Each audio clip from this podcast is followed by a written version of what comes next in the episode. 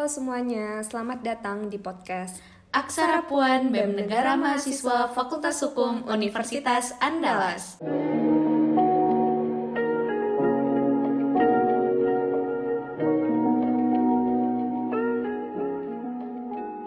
Nah, sekarang podcastnya nggak sendirian nih. Ada aku Dara Dan aku Vika, dari bidang pemberdayaan perempuan. Kementerian Politik dan Hukum. Halo teman-teman semuanya, apa kabar? Semoga semuanya dalam keadaan sehat ya. Amin. Oh iya, ngomong-ngomong Kak Vika, apa kabar sekarang? Alhamdulillah baik banget. Dara, Dara gimana sih kabarnya? Alhamdulillah, aku juga baik. Eh, BTW sekarang lagi libur nih Kak Vika. Enaknya kita bahas apa ya sekarang? Nih kalau kita bahas tentang double standar? Kamu pernah dengar gak sih Dar tentang double standar? Oh iya, aku pernah dengar dan baca-baca juga nih Kak tentang double standar. Kalau Kakak gimana? Nah iya benar Dar, sekarang tuh double standar lagi sering dibahas di media sosial Tapi masih banyak orang yang awam tentang hal ini Nah, aku mau tahu nih bagaimana eh, menurut Kak Vika tentang double standar itu sendiri. Oke, dari beberapa sumber bacaan yang aku baca Double standar atau yang biasa juga disebut dengan standar ganda itu adalah sebuah keadaan di mana kita memberikan penilaian, reaksi, perilaku atau sikap yang berbeda terhadap suatu kelompok tertentu pada satu kasus yang sama. Misalkan nih, kita memberikan reaksi atau sikap yang berbeda terhadap dua kelompok nih, ada dua kelompok, tapi kita memberikan reaksi yang berbeda pada case yang sama, jadi nggak adil gitu, nggak setara gitu, dan Oh iya, yang aku baca juga gitu sih Kak. Nah, eh, kalau contohnya sama dengan hal ini nggak sih Kak? Misalnya nih ada seorang wanita yang menangis, hal itu dianggap wajar. Namun sedangkan jika seorang pria yang menangis itu dianggap cengeng Hmm, dan bener-bener. juga lemah. Eh, ada juga contoh yang lain, misalnya sepasang suami istri. eh, ada nih si ayah atau si bapak dia eh, membawa makanan fast food gitu. Eh, itu dianggap kayak wah eh, bapaknya family man banget, family man ya banget bener. gitu.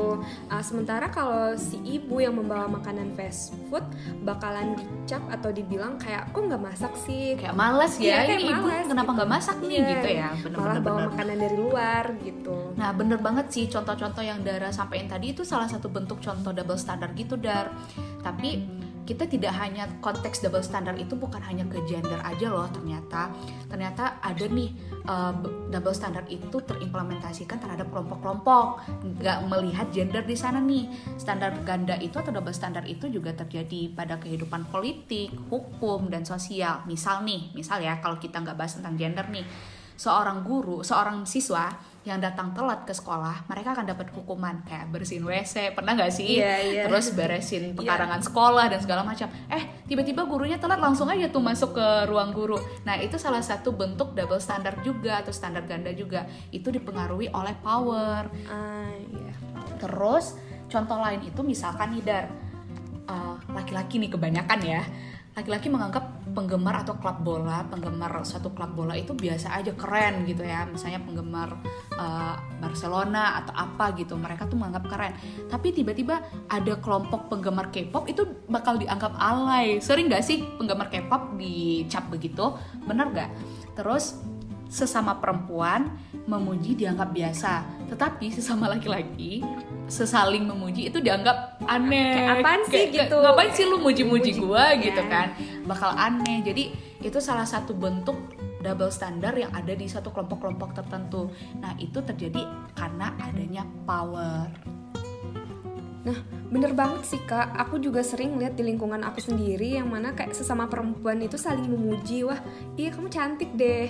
Eh, itu dianggap biasa aja gitu. Sementara eh, laki-laki sama laki-laki kayak memuji, wah kamu ganteng deh. Kayak aneh gak Kayak sih? aneh gitu, Dan geli. dan cewek-cewek pun bakal kayak ih lu ngapain muji dia Iya. kayak gitu kan jadi kayak dianggap aneh padahal tuh sama aja biasa-biasa aja sebenarnya jadi sebenarnya tuh dar standar ganda atau double standar itu sikap ego sebenarnya dari pembenaran diri kita.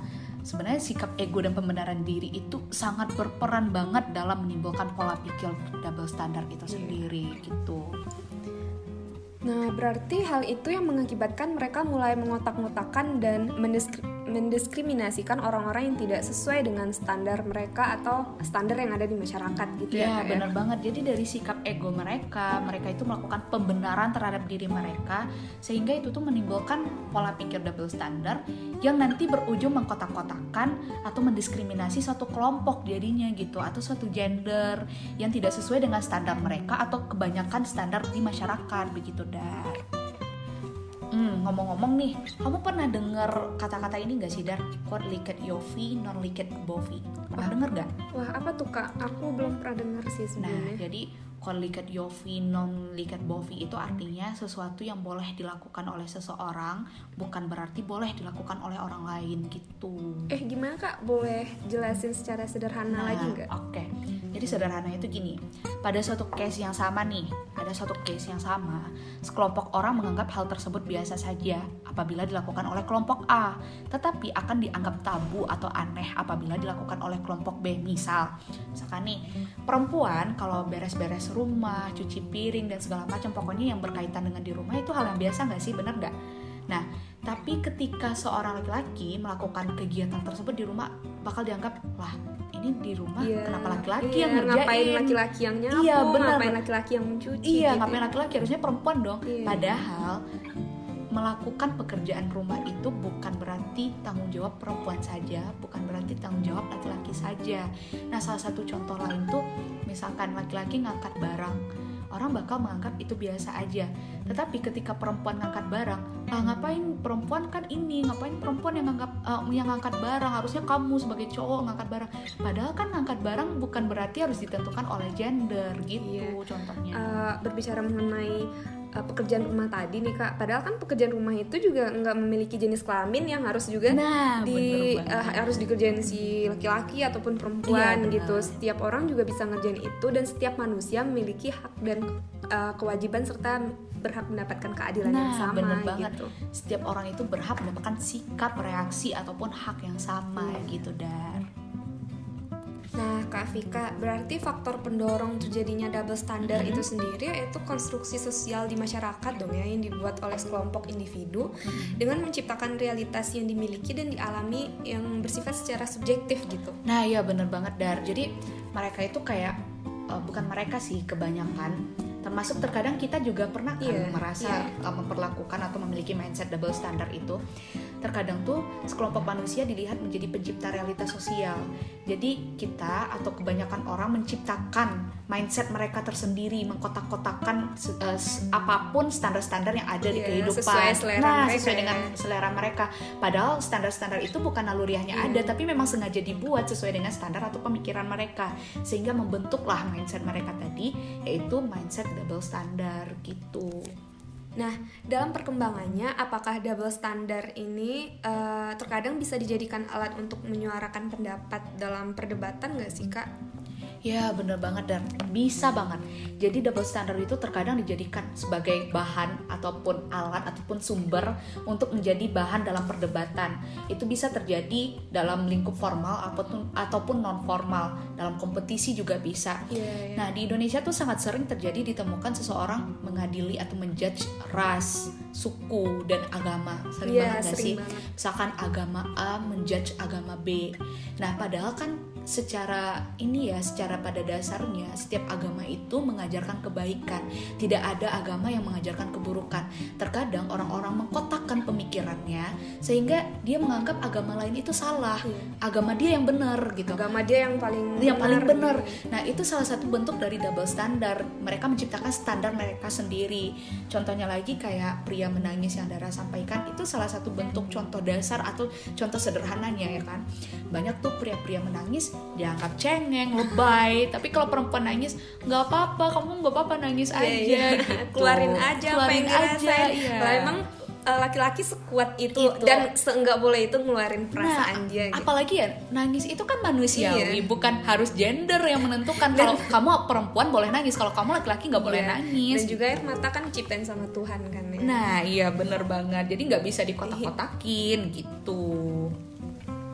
Nah, jadi baiknya gimana ya kak perspektif kita tentang double standar ini. Hmm, ngomong-ngomong nih, lalu bagaimana sebaiknya tentang mindset double standard ini kan?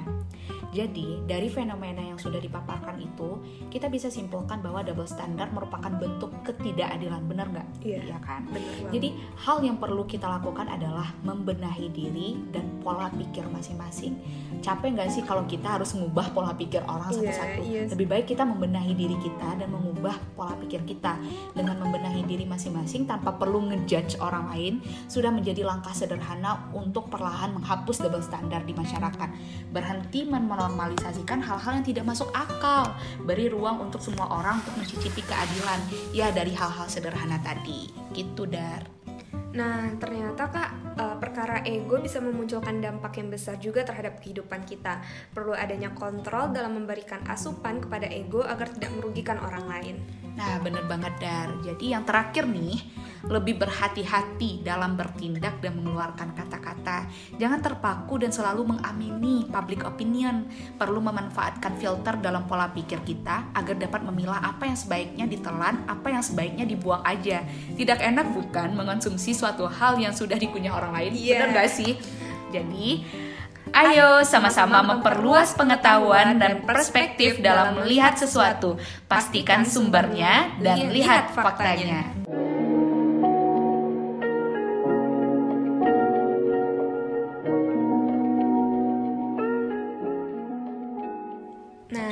Gimana nih teman-teman? Asik kan pembahasan hari ini? Semoga apa yang dibahas pada podcast hari ini menambah pengetahuan kita semua dan membantu kita memiliki pola pikir yang sehat dan jauh lebih baik. Benar, sesuai pesan kita tadi, pastikan sumbernya dan lihat faktanya. Sampai jumpa di podcast selanjutnya.